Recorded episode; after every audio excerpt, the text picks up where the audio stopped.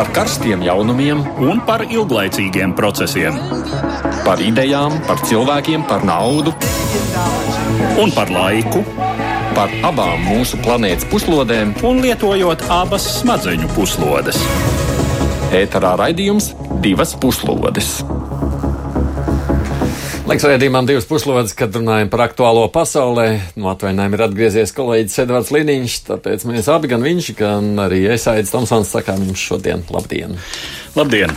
Vai vajag sodīt Ungāriju, un, ja jā, tad kā? Vakar Eiropas parlaments pirmo reizi vēsturē nobalsoja par procedūru, kas pieļauj sankciju noteikšanu pret kādu Savienības dalību valsti. Ungārijai pārmet atkāpšanos no principiem, kas bijuši Savienības veidošanas pamatā. Kādas tam visam varētu būt sekas? Ikgadējā atskaita Eiropas parlamentā vakar bija Eiropas komisijas vadītājam Žanam Klodam Junkeram. Viņš runāja par to, ko tuvākajā laikā komisijai vajadzētu izdarīt. Viens no sāpīgākajiem jautājumiem joprojām ir migrācija, bet ne tikai. Junkers rosināja atteikties no principa, ka visi lēmumi savienībā tiktu pieņemti pēc vienprātības principa. Cik tas ir reāli to mainīt? Un vēl viens temats. Startautiskā krimināla tiesa Hāgā ir mirusi. Tā šajā nedēļā paziņoja ASV prezidenta padomnieks Džons Boltons, sakot, ka ASV ar šo tiesu nesadarbosies. Mēs par starptautisko kriminālu tiesu līdz šim nesam runājuši, tāpēc jautājums ir gan interesants, gan aktuāls. Tie klausītāji, kas lieto Twitteri, ir lūgt tuvākajās minūtēs atbildēt uz jautājumu, kā jūs rīkotos, ja būtu Latvijas ministru prezidents, kā jūs balsot jautājumā par sankcijām pret Ungāriju. Atbalstīt tās vai nē? Nobalsojiet, lūdzu, tātad Latvijas radio viens kontā, Twitterī, tuvākajās minūtēs. Protams, gaidām arī jūsu komentārus mūsu mājaslapā. Un šobrīd studijā bez mums ir Latvijas ārpolitikas institūta pētniece Elizabete Vizgunova. Labdien! Eiropas kustības Latvijā prezidents Andris Gobiņš. Labdien! Un žurnāla ir komentētājs Aivars Ozoliņš. Labdien! Un mēs sākam raidījumu kā parasti ar dažām ziņām īsumā.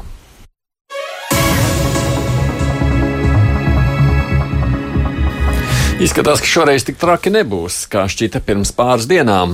Viesuļvētra Florence, kas tuvojas ASV krastiem, ir kļuvusi vājāka, un tās stiprums tagad atbilst otrās kategorijas vētras līmenim. Tā ir paveistījis Nacionālais viesuļvētra centrs. Tiesa joprojām tiek prognozēts, ka vētrai sasniedzot ASV austrumu krastu, reģions pieredzēs pamatīgu stihijas plosīšanos.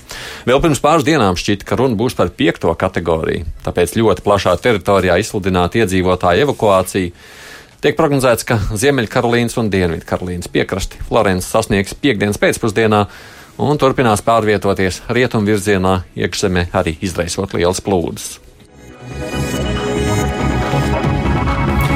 Joprojām turpinās stāsts par Krievijas dubultaģenta Sergeja Skripaļa saindēšanu, pēc kuras ir vēl vairāk sabojājušās Krievijas un Lielbritānijas attiecības. Krievijas prezidents vakar paziņoja, ka Lielbritānijas apsūdzētie divi pēcdienas darbinieki esot parasti cilvēki, un viņi drīz tiksies ar presi. Šodien viņi tad arī preses konferencē stāstīja, kā bija esot turisti un braukuši tikai apskatīties skaisto Salisbury katedrāli. Tas arī viss. Lielbritānijā vēl vakar pēc Putina teiktā premjerministra apsūdzēja Krieviju apzinātā lietas būtības izkropļošanā un melos. Mēs Krieviju vairāk kārt esam lūguši skaidrot, kas tad martā notika Salisbury, un viņi ir atbildējuši ar lietas būtības izkropļošanu un meliem. Tā žurnālistiem sacīja Lielbritānijas premjerministrs Terēzes Meijas pressekretārs. Lielbritānijas valdība uzskata, ka uzbrukumu sankcionējis ir Kremlis. Daudzi ar bažām lūkojas uz degvielas cenām, jo, lai gan prognozes bija krietni pieticīgākas, naftas barela cena ir pārsniegusi pat 80 dolāru atzīmi. Kāpēc tā par to ir dažādi skaidrojumi, bet nu, interesants ir fakts, ka nu, ASV varētu būt kļuvušas par galveno naftas ieguvēju valsti pasaulē. Un tas ir noticis agrāk nekā bija prognozēts. Enerģētikas informācijas pārvalde, balstoties uz provizoriskām aplēsēm, uzskata, ka ASV domājams apsteidza Krieviju pēc naftas iegūs apjoma šī gada jūnijā un augustā.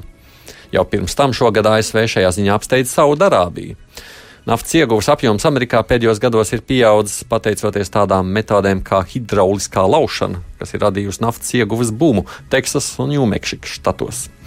Jāpaskaidro, ka ASV 20. gadsimta lielāko daļu jau bija pirmajā vietā pasaulē naftas ieguves ziņā, līdz 70. gados šo valstu apsteidz Padomju Savienību un vēlāk arī Saudarābija.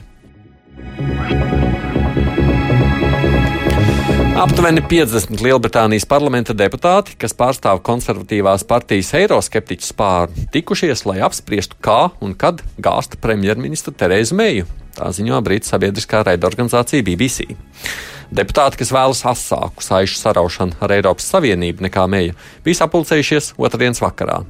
Sanāksmēs vēl izskanējuši tādi izteicieni, kā ik viens, ko pazīst, vēlas viņas aiziešanu, viņa ir katastrofa un tāds tā nevar turpināties. Daži dumpnieki otrdienas sanāksmē paveistījuši, ka jau iesnieguši rakstu par neusticības izteikšanu mejai. Saskaņā ar konservatīvās partijas statūtiem balsojums par partijas vadību ir jārīko, ja 15% no Torija deputātiem pieprasījuši neusticības izteikšanu pašreizējiem partijas līderim.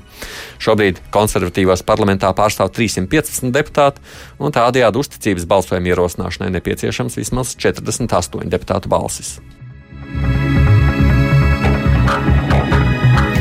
Un vēl amerikāņu porno aktrise Stormija Daniels vakar paziņoja, ka oktobrī, neilgi pirms ASV kongresa starptermiņa vēlēšanām, klajā laidīs autobiogrāfiju, kurā detalizēti būšot aprakstīta viņas mīlestības dēka ar prezidentu Donaldu Trumpu. Aktrise apgalvo, ka viņai ir bijis romāns ar Trumpu 2008. gadā, ap to laiku, kad Trumpa dzīves biedra Melānija pasaulē laida dēlu baronu. Autobiogrāfijas nosaukums būs pilnīgi atklāti. Es uzrakstīšu visu un to iekļaušu, un cilvēki var domāt par mani, ko viņi grib, bet tā vismaz ir patiesība. Nav jau tā, ka viņi to par mani tāpat nebūtu domājuši. Tā ir sacījusi topošā autora. Biogrāfija grāmatnīcas plauktos nonāks 2. oktobrī. Garām tā būšot aprakstīta arī Daniels karjeras striptīs klubos un pornofilmu industrijā. Jāpiebilst, ka pats Trumps publiski ir noliedzis, ka viņam būtu bijusi dēka Daniels, bet Trumpa personīgais advokāts Maikls Koens atzīst, ka ir maksājis Danielsai par klusēšanu. Nu, tāds bija dažs ziņas īsumā, bet nu, par sākumā pieminētajiem tematiem plašāk.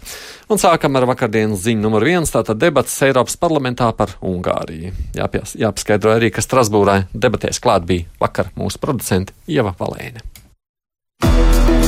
Eiropa šodien un rīt. Sadarbībā ar Eiropas parlamenta biroju Latvijā.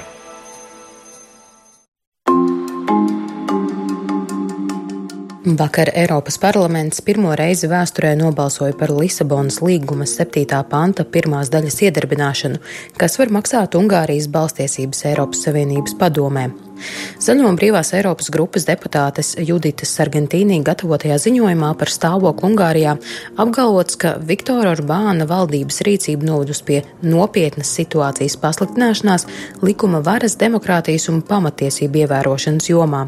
Dokumentā atzīts, ka Ungārijā esot nopietni apdraudēta tiesu neatkarība, runas mediju un akadēmisko institūciju brīvība, kā arī norādīts uz korupciju valsts līmenī un vēršanos pret nelegālajiem imigrantiem un patvērumu meklētājiem, kā arī organizācijām, kas viņiem cenšas palīdzēt.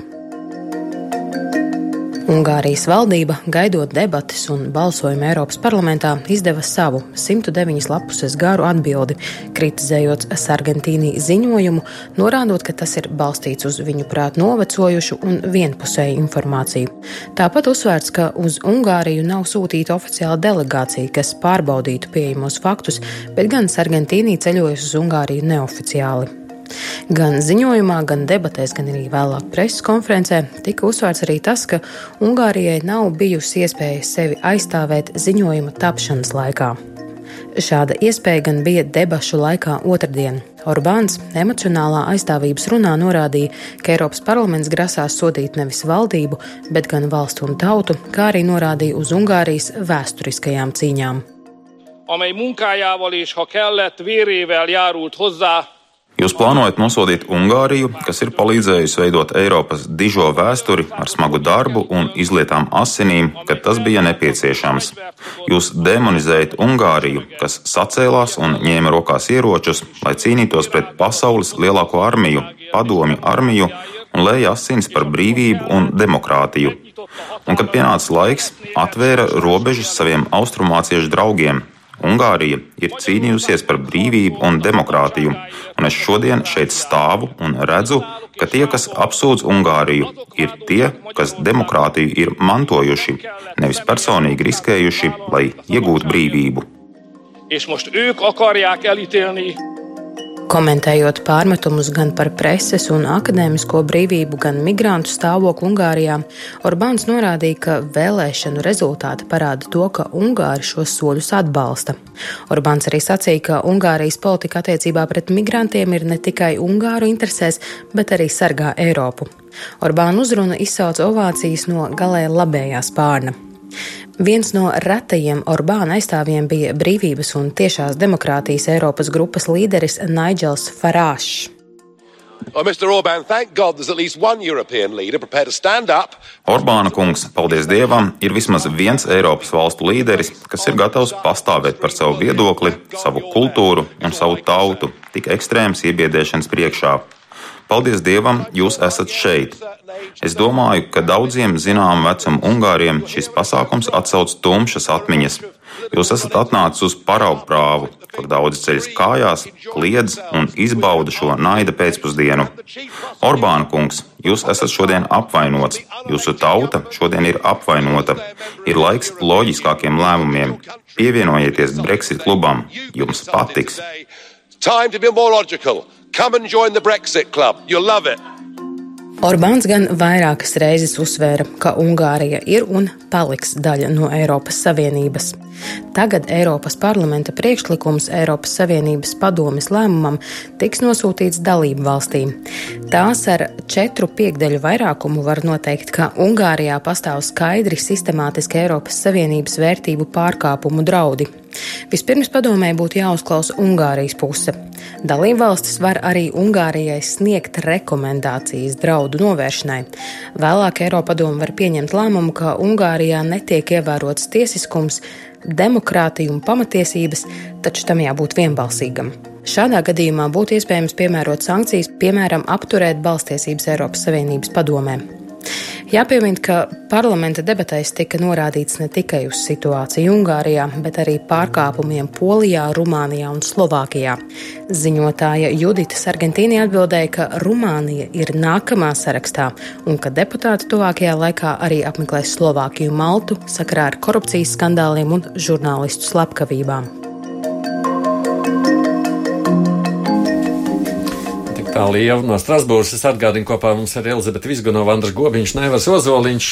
Tagad drīkst jums arī balsot. Ja es būtu Eiropas parlamenta deputāti, kā jūs balsot par vai pret sankcijām Ungārijai, Elizabete? Droši vien, ka balsot par. Jūs būtu tajā vairākuma pusē, Andri. Es noteikti balsotu par. Šis jau ir balsojums par procedūru sākumu. Par procedūru Ungārijā sākumu, ir iespējas jā. visu vēl glābt, ja viņi atbilstoši rīkotos. Arī par. Edvard. Arī par. Visi deputāti teica tikai par. Nu, bet kas nozīmē tā, tad tiešām ir tik slikti, jā? Kāpēc? Ir tik draņķīgi Ungārijā? Man šķiet, ka tā, es tikai gribēju minēt par šo iepriekš eh, komentāru no Ievas, ka uh, it kā tas nevienu vairs nepārsteidz, tas jau ir gandrīz vai scenārijs, uh, ka Orbana kungs pasaka savus gandrīz vai cīniskos argumentus, kas atsauc uz vēsturi, un Aģels Farančs viņu atbalsta, un vēl pie tam aicina pievienoties Brexit klubam, kas droši vien nemaz nav tik patīkams, ņemot vērā izstāšanās sarunas un to sarežģītību. Bet uh, problēma droši vien ir diezgan liela, jo pirmām kārtām uh, problēma ir Eiropas uh, Savienības partija partiju grupu līmenī Eiropas cilvē, pilsoņu partija principā šobrīd ir nonākusi tādā kā krīzes situācijā, ņemot vērā to, ka Fides ir šīs partiju grupas sastāvdaļa. Jautājums ir par to, kādas tad vērtības šī partija grupa pārstāv. Nu, tur jau arī bija doma, ja dalīšanās, vai ne, vakar tajā balsojumā? Viennozīmīgi, viennozīmīgi, jā, jā bet jā. tomēr vairākums nobalsoja par. Otrs jautājums ir arī par to, ka, nu, attiecīgi ar Rietumē Eiropu un Austrumē Eiropa izskatās, ka kaut kādā ziņā atkal ir sašķeltas. Un, Varbūt vēl tikai gribēju um, minēt um, to, ka šis Argentīnijas ziņojums it kā ir diskreditēts, bet arī pat laikā tas nekādā veidā neatšķiras no Freedom House indeksa, piemēram, kurš min tieši tās pašas problēmas. Un šis ir indeks, uz kuru Ungārija iepriekš ir atsaukusies kā savu veiksmes stāstu, un tad pēkšņi viņi ir tiesīgi to diskreditēt. Nu, labi, tu teici, ka tam jau nav vēl lielas nozīmes, tas, ko vakar viņi sabalsoja. Tam ir ļoti, ļoti liela nozīme, jo tas patiešām ļoti jau nopietnas um, mājiens steidzami. Bet beidzot šīs lietas kārtot, kuras ilgstoši ir ielaistas un, manuprāt, pārāk ilgstoši nu, būtu bijis vēlams jau pirms diviem, trīs gadiem, eh, kad jau patiešām bija pirmā vēršanās pret preses brīvību, pret uh, pulcēšanās brīvību, bez pret uh, zinātnisko pat neatkarību, pat, tādas lietas, ja, ka klapē cietas, ja, atvainojos, ka tā prasti izsakos augstskola, tāpēc, ka, ka nu, Orbanam nepatīk. Nu, interesantas parādības, kas, kas tātad Ungārijā ir konstatējamas. Šis ir ļoti nopietnas solis no Eiropas parlamenta un jācer, ka tomēr Ungārija ieklausīsies, jo eh, līdz šim arī jau bijuši vairāk kārt tādi mazāki draudi, kur arī Ungārijas eh, tā pati valdība ir pamainījusi vienu otru lēmumu nepietiekami un eh, ne pietiekami pārliecinoši, tā sakot, tam dēļ, un atsevišķi cits lietas pat vēl ir pasliktinājušās pēdējā laikā, tam dēļ šis Eiropas parlamenta nu, aicinājums padomē tagad sākt nopietno šo rīcību ir ļoti konsekvents un loģisks. Ja klausīsies, Aivar. Kurš? Ungārija. Mm. Nē, esmu pārliecināts. Es domāju, ka nē. Un, un tas process turpināsies un paliks strupceļā, bet, nu, Um, paliks strupceļā. Paliks strupceļā, jo tas ir savā ziņā strupceļš. Uh, nu, Polija jau ir paziņojusi, ka viņi neatbalstīs uh, vēršanos pret Ungāriju un valsts tiesību atņemšanu, tāpēc šis strupceļš acīm redzām paliks. Bet, nu, no, Ja kādam vēl bija šaubas līdz vakardienai, vai Ungārija pelnīja šādu attieksmi, tad es domāju, ka Orbāna runātais par, runātais par Ungārijas dižo vēsturi kā argumentu uh, nevērsties pret, uh, pret uh, tiesu varas neatkarību, preses brīvību, akadēmisko brīvību. Uh, un, un arī pret korupciju, starp citu, kas ir masīvi. plau masīvi, plaukst un zeļa, urbāna ģimene kopā ar viņam pietuvinātajiem cilvēkiem izlaup visu, ko vien ir iespējams lielākā mērogā nekā daži mūsu oligarhi. Tad, ja, ar šādiem argumentiem, ka ir diža vēsture, varētu aizpildināt jebkuru politiku, gan Krievija, gan Sīrija, gan, gan, gan Irāna, gan jebkura Eiropas valsts, bet, bet tas, ka Urba, Orbāns to uzsver, apliecina tikai to, ka viņš pieder to pašu. Tas ir tas pats autoritāro vadoņu tips, kas ir minētajās valstīs. Nu, re, bet es, es pie tā vārda strupceļš.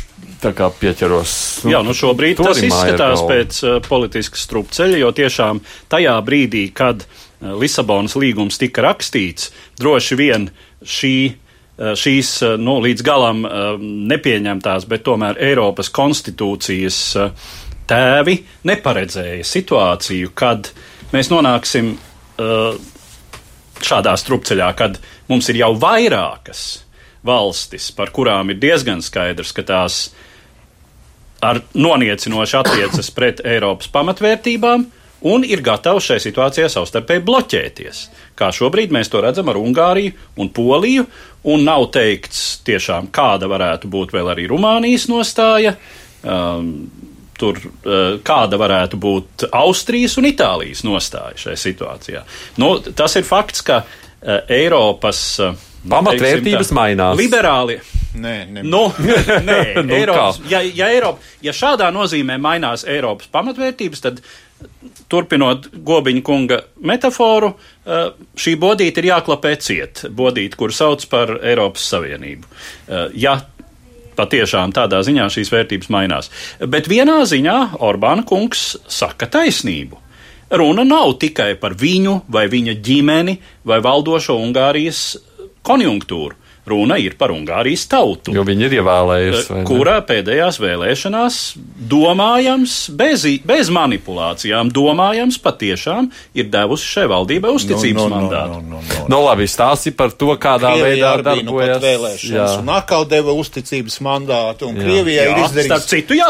un Krievijai ir izdarīts daudz vairāk uh, autoritārismu un uh, virzienā nekā Ungārijā. Tā ir tā vienīgā un galvenā un būtiskākā atšķirība atšķirība, nu, un vēl, protams, nu, impēriskās tendences, ko Ungārija nedemonstrē tik, tik stingri, bet uh, arguments, nav. arguments pa vēršanos pret tautu, manuprāt, ir vēl viens cīnisks arguments. Ja tautu iebāž maisā, kurā ir viena partija, pa kuru balsot, un par uh, balsošanu pa jebkuru citu apdraud vismaz karjeru, ja ne, ja, ja, ja ne, ja ne vairāk, ja ne brīvību, nu, tad atsaukties uz tautu, nu, tad jau Nav visas pareizi. sankcijas pret uh, Krievijas oligarhiem, ko Eiropas Savienība ir noteikusi, un ASV tāpat, tad tās jau ir vērstas pret Krievijas tautu. Principā Putins un Kremļa propagandisti tieši to arī saka. saka mūsu dzird šobrīd ārlietu ministrs Edgars Rinkevičs. Rinkevičs kungs, halo! Labdien! Labdien! Sakiet, kāda tad ir Latvijas nostāja, vai varētu arī būt Latvijas nostāja tālāk šajā te Ungārijas balstiesību jautājumā? Nu, sāksim ar to, ka saskaņā ar procedūru šis attiecīgais jautājums par 7. pānta iedarbināšanu nonāk Eiropas Savienības padomē.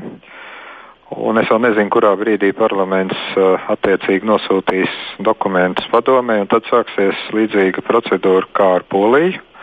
Tiks dots laiks Ungārijai sagatavot savus apsvērumus, izklāstīt savu pozīciju, dalību valstīm ir iespēja izjautāt, un tikai tad Uh, un es nezinu, kurš tas varētu būt brīdis, bet tikai tad būs uh, jālemj Latvijas valdībai par konkrētu pozīciju. Uh, īsi pirms balsošanas par 7. panta teiksim, piemērošanu, par zināmu sankciju piemērošanu. Un es nedomāju, ka tas būs tuvāko nedēļu vai mēnešu laikā. Es paredzu, ka šis process varētu būt gana garš. Gribu atgādināt, ka Polijas gadījumā komisija to rosināja, rosināja decembrī, un balsojums Polijas gadījumā vēl šobrīd septembrī nav un pat nav zināms, kad varētu būt.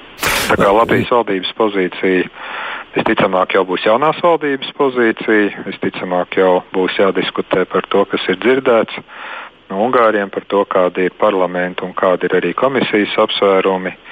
Un es tikai gribētu teikt to, ka man diemžēl rada bažas tas, ka parādās arvien vairāk dalību valsts, kurām ir problēmas ar likuma varu. Mēs esam vienmēr teikuši, ka mēs gribētu, lai šīs dalību valsts ieklausās gan komisijas, gan parlamenta, gan citu valstu viedoklī, bet mēs nekad neesam bijuši priecīgi arī par to, ka tiek veidota kaut kāda ļoti asa politika, jo pēc būtības tas arī atstumj valstis no, no Eiropas Savienības un bieži vien uh, tas ļauj konsolidēt attiecīgajām valdībām, attiecīgajiem varas vīriem savu varas pozīciju. Vienkārši sakot, redziet, mēs cīnāmies pret uh, trako Briselu, trako Eiropu un pat varbūt kaut kādā veidā kāpina tādu zināmu pretestību. Tas nav tik vienkāršs jautājums. Vienīgais vēl viens jautājums tomēr jums. Mēs ar studijas viesiem spriedām par to, ka tas izskatās pēc strupceļa. Vai piekrītat šādai? Domā. Nu, redziet, kas notiek ar Poliju. Uh, kāpēc arī mūsuprāt uh, šī septītā panta uh, procedūra ir tāds apusgriezīgs zobens.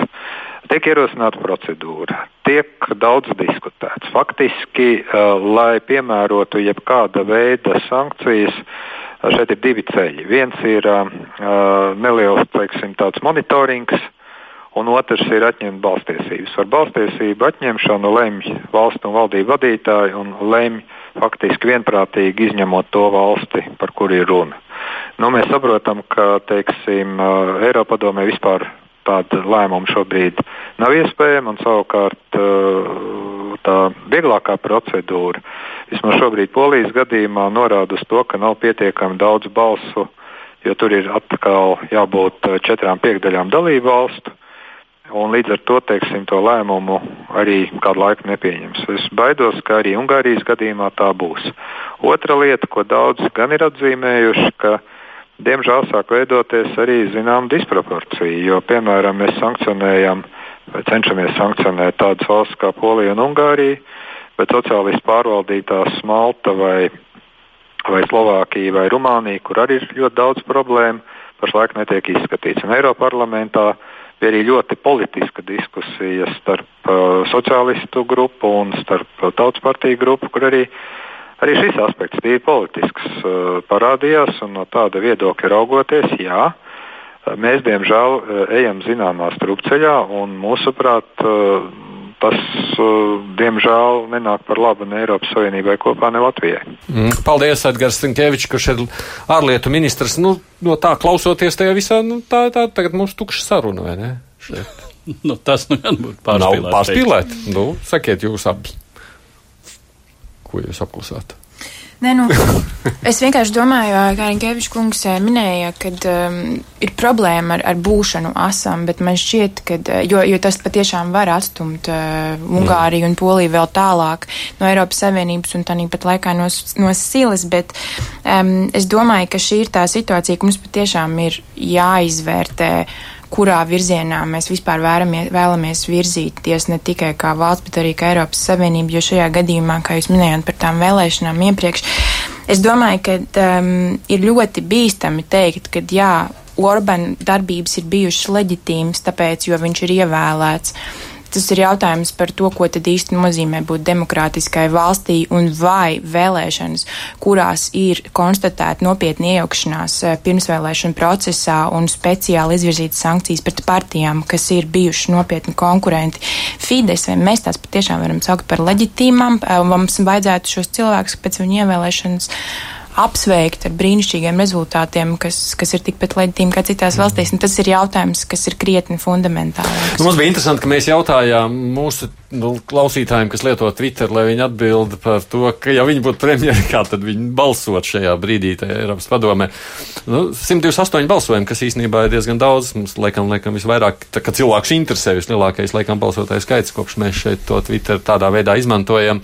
48 teiktu, ka viņi balsot pār sankcijām, 38 pret, nu tad 14 būtu grūti izlemt. Nu, tomēr, es, tā, ka... Mēs ieskaitām vai nē? Tas ir Ko tas tad? jautājums, vai mēs ieskaitām tos, kas atturās vai nē. Tas ir tas pats jautājums, no, tas ko tas... Ungārijas ārlietu ministrs uzdev. Jā, jā, jā. Es gribētu piebilst tam, ko ārlietu ministrs teica, ka man liekas ļoti svarīgi saprast, ka tas, kā arī Rumānija vai Malta pārkāpja pamat vērtības dažādos punktos, tas nav arguments nesodīt vai nevērsties pret Ungāriju.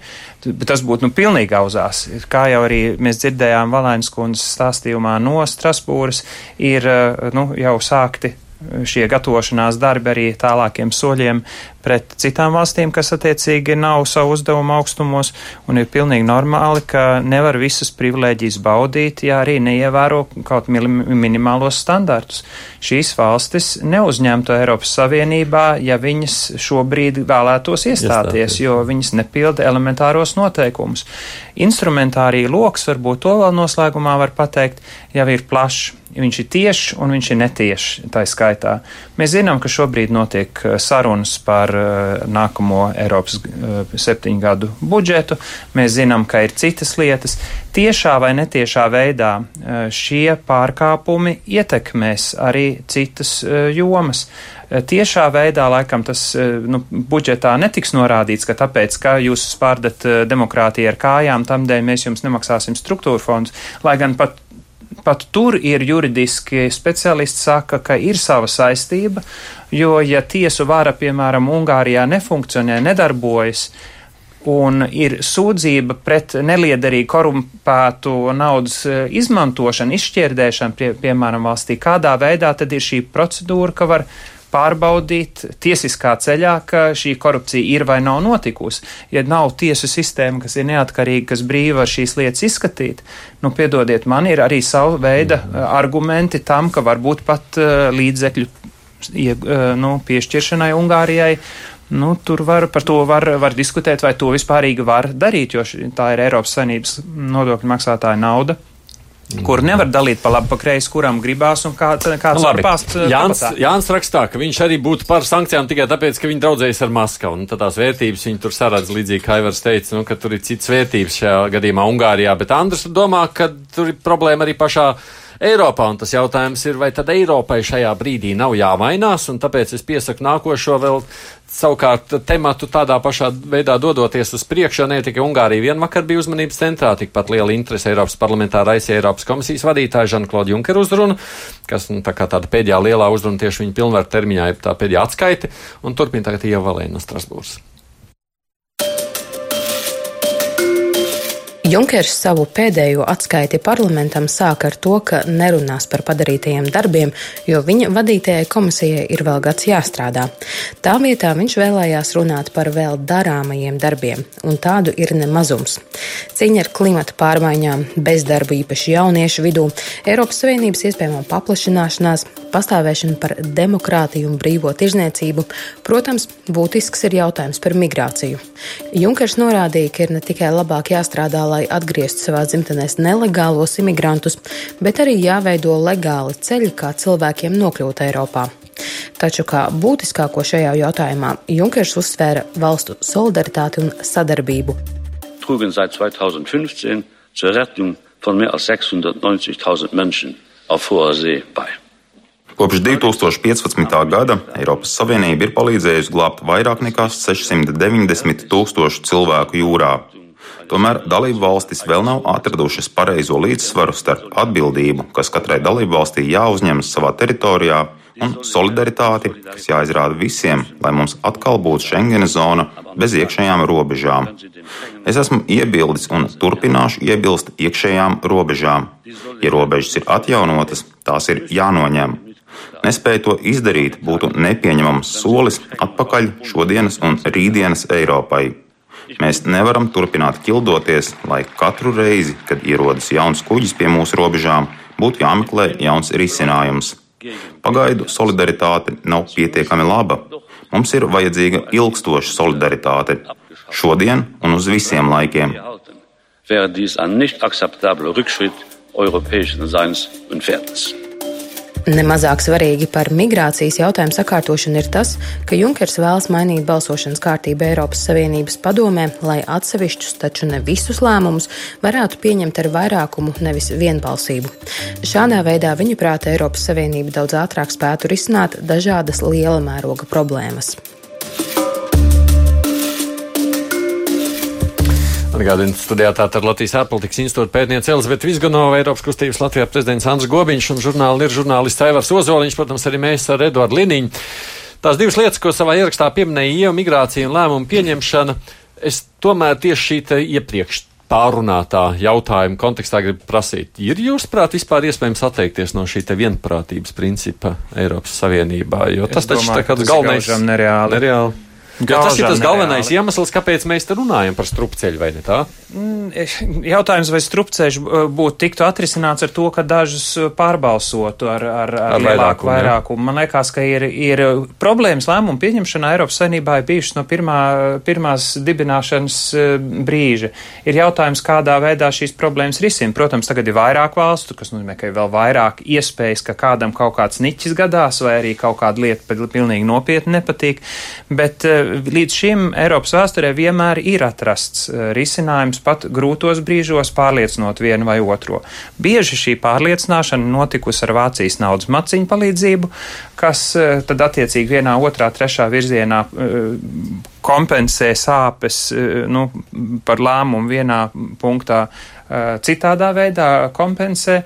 Nu, nu, lūk, bet šī vienprātības ne, meklēšana ir tā, kas vienmēr liekas nārpēc. Nu, tur taču viņi bet, nu, muļļājās, muļļājās, jā, jā, jā. neko neizdara, gaida. Ne, nu, tā, demokrātija tas, vispār muļļājās. Muļļāšanās, nu, un šitien vispār muļļājās. Nevis muļļājās, tāpēc. bet diskutē, kas ir, kuras eh, diskusija ir, un arī strīdi es ir patiesības. Tu skaties tā, bet es skatos, un man liekas, muļļājas. Mēs, mūsu, mūsu diskusija pašlaik ir daļa no plašākās Eiropas diskusijas par uh, vairāk federālisma vai vairāk suverēnu valstu.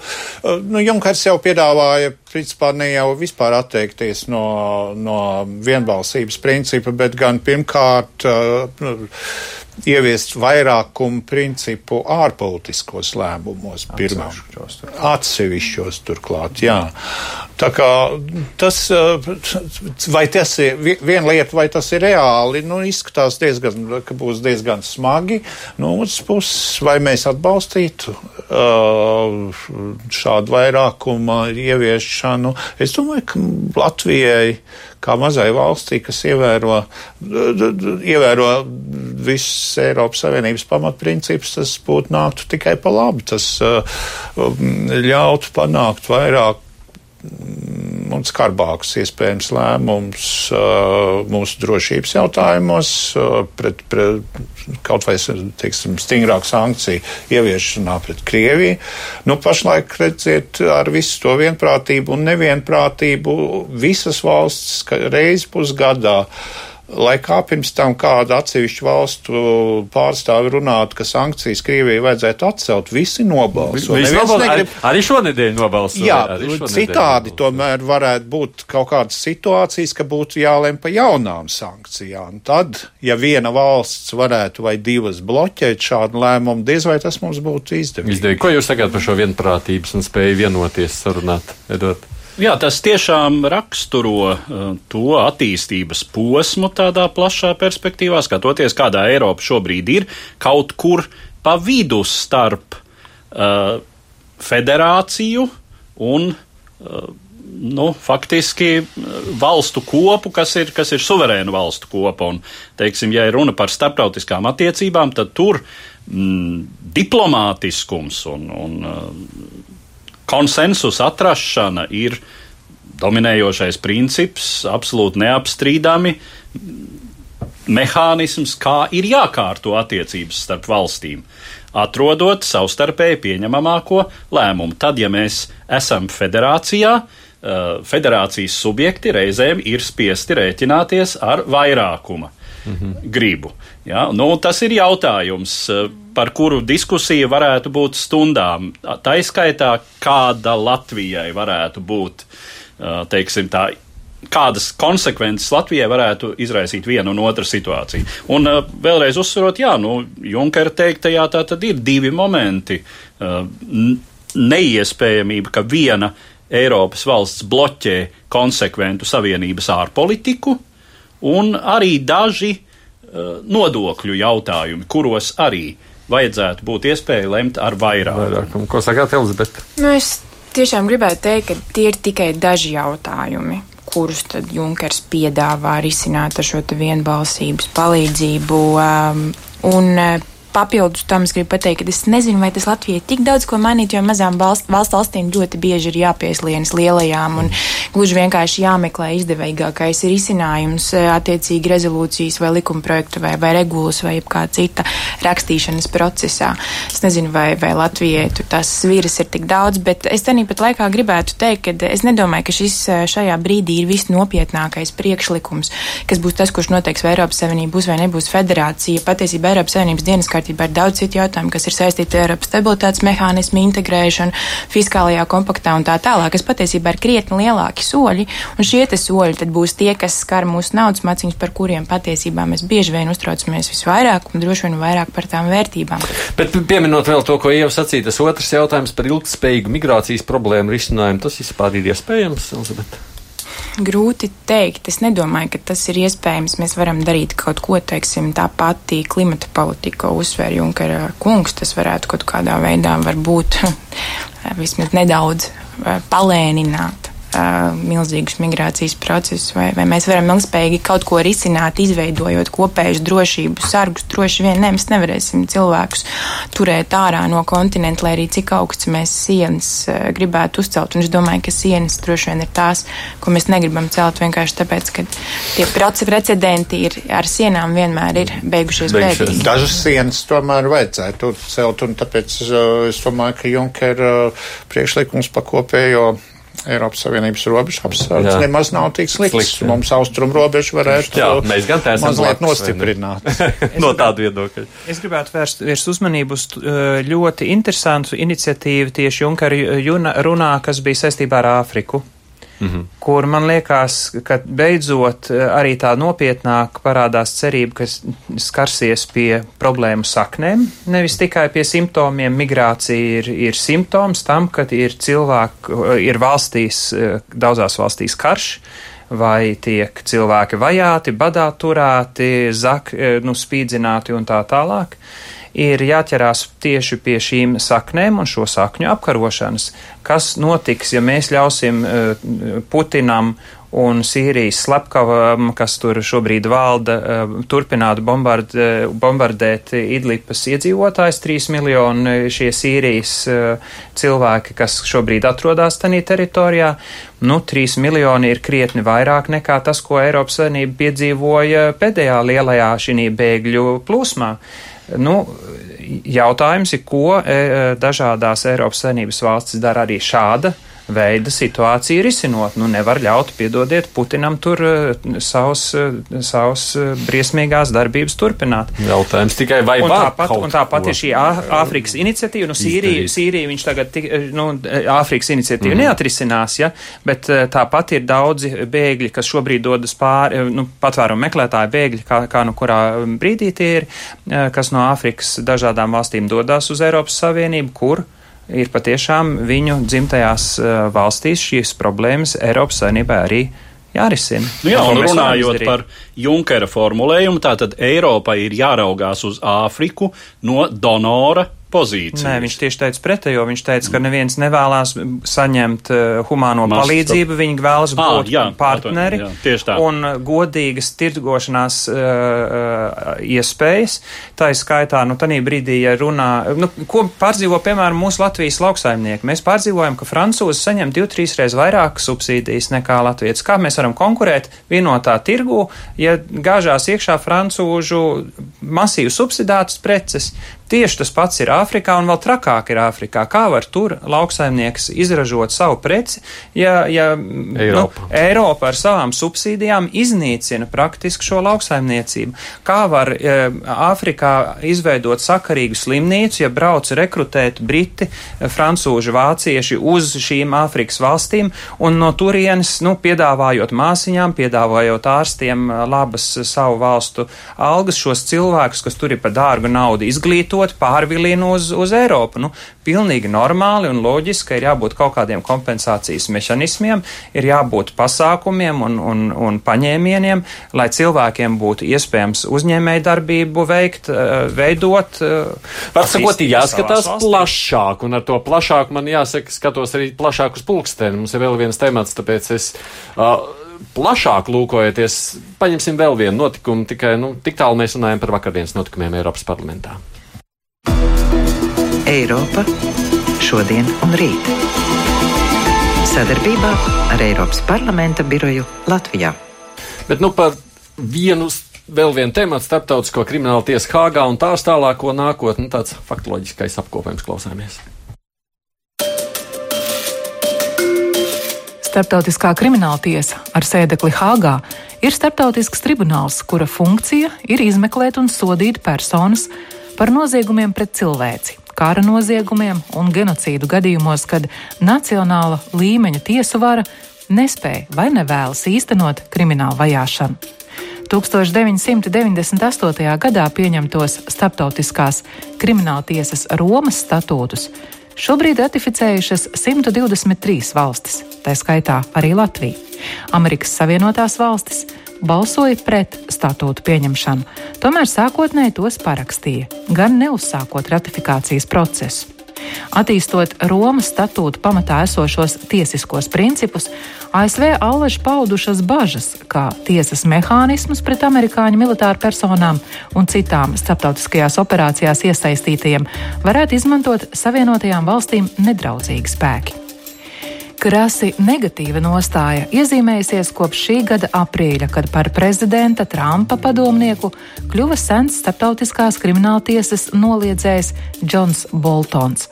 10. septembrī ASV valdība ar viņa muti pauda, ka gadījumā, ja krimināltiesa turpinās izmeklēšanu pret amerikāņu karavīriem un izlūkdienestu darbiniekiem par viņu darbībām Afganistānas kara laikā, Trumpa administrācija vērsīsies pret starptautiskās krimināltiesas tiesnešiem, liedzot iebraukšanu valstī, arestējot viņu aktīvus ASV un pat uzsākot pret viņiem tiesvedību. Boltons deklarēja, Mēs nesadarbosimies ar Startautisko kriminālu tiesu. Mēs nesniegsim atbalstu tai, mēs nepievienosimies tai, mēs ļausim nomirt tai vienatnē. Galu galā mums tā patiesībā jau ir mirusi. Kas vispār ir starptautiskā krimināla tiesa? Ko mēs par viņu zinām? Kas tādas skaļākās lietas? Tā ir Nirnberga. Nirnberga. Sākums, teiksim, starptautiskā jā, bet... un to, Tokijas process. Un tikko Dienvidslāvijas uh, slepkavs arī, man liekas. Ne, nu, runājot par šo konkrēto orgānu, tas ir izveidots. Uh, uz mūsu gadu tūkstošu sliekšņa, tātad attiecīgā šī Romas konvencija, kas regulē uh, tiesas darbību, ir pieņemta 1998. un tiesa ir sākusi darbību 2002. gadā. Tā 11 gadi. 11 gadi, jā. Ar ļoti līdzīgu funkciju, bet cits orgāns ir uh, Uh, savi apvienoto nāciju veidotā tiesa, kas izmeklēja un tiesāja par noziegumiem Dienvidslāvijā. Tas tribunāls Hāgas. Hāgas tribunāls, jā. jā. Šī ir, nu, faktiski. Arī turpat Hāgā. Faktiski jau, es teiktu, turpinājums un funkciju pārņemšana. Es pieļauju, ka, nu, tajā brīdī, kad kļuva skaidrs, ka uh, tādā pašā veidā Dienvidslāvija, acīm redzot, deva tādu precedentu šai starptautiskajā, starptautiski tiesiskajā praksē, uh, un, un tad tika izveidota šī starptautiskā krimināla tiesa, eh, bet ļoti daudzas, ļoti nozīmīgas valstis, kurām varētu būt problēmas, ir no šī procesa vai nu vispār atturējušās, eh, jo iesaistīšanās tajā, protams, ir brīvprātīga, vai arī, nu, teiksim, uzturējuši tādu distancētu pozīciju, kā Amerikas Savienotās Jā, valstis. Bet, nu, ko tas nozīmē šādi ASV vēršanās pret, jo būtībā tas izklausās diezgan dramatiski, ne?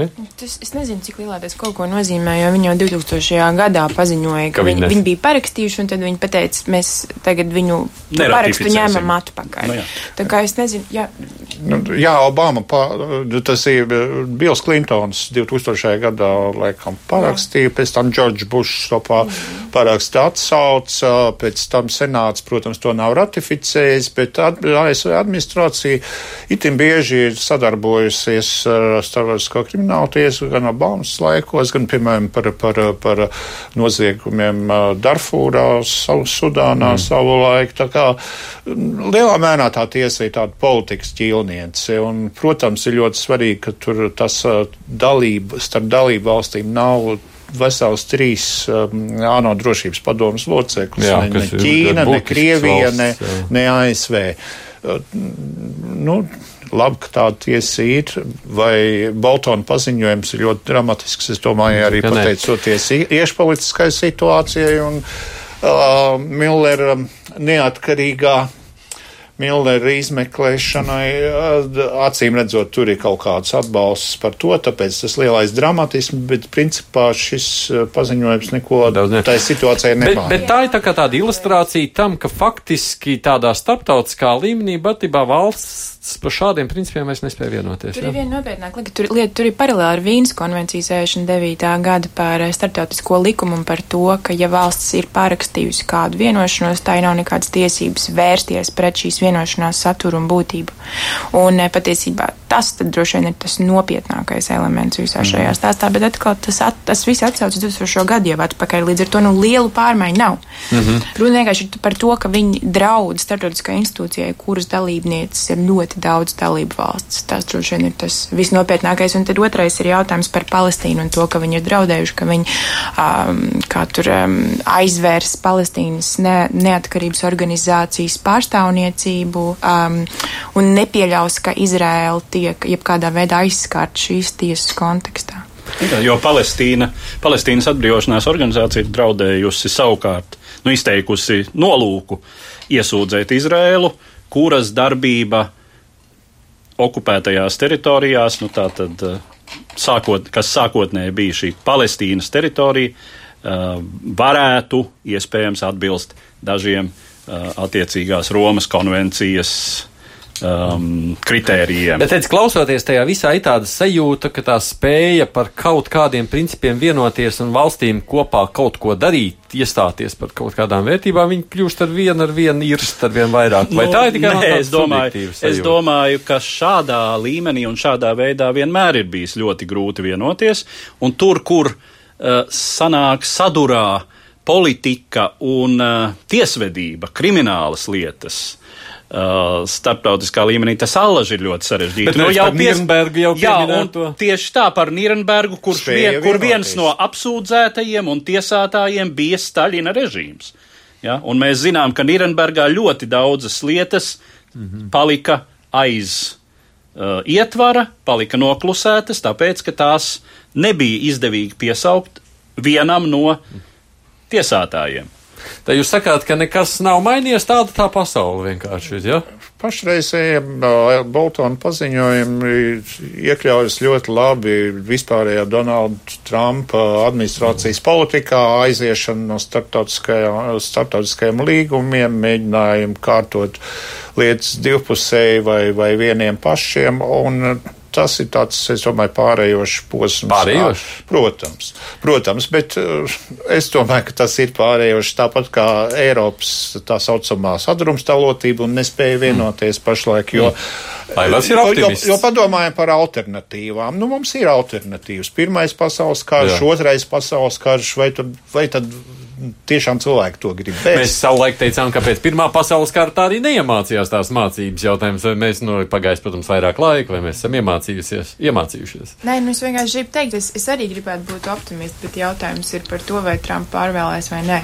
Es domāju, ka tajā brīdī jau mēs aptuveni varēsim īsti saprast. Pagaidīsim novembrī. Pagaidīsim, Pagaidīsim novembrī. novembrī. Pat novembrī nevajag Trumpu vairs vēl gaidīt. Bet... Jā. Nu, pagaidīsim. Ko mēs citu varam darīt?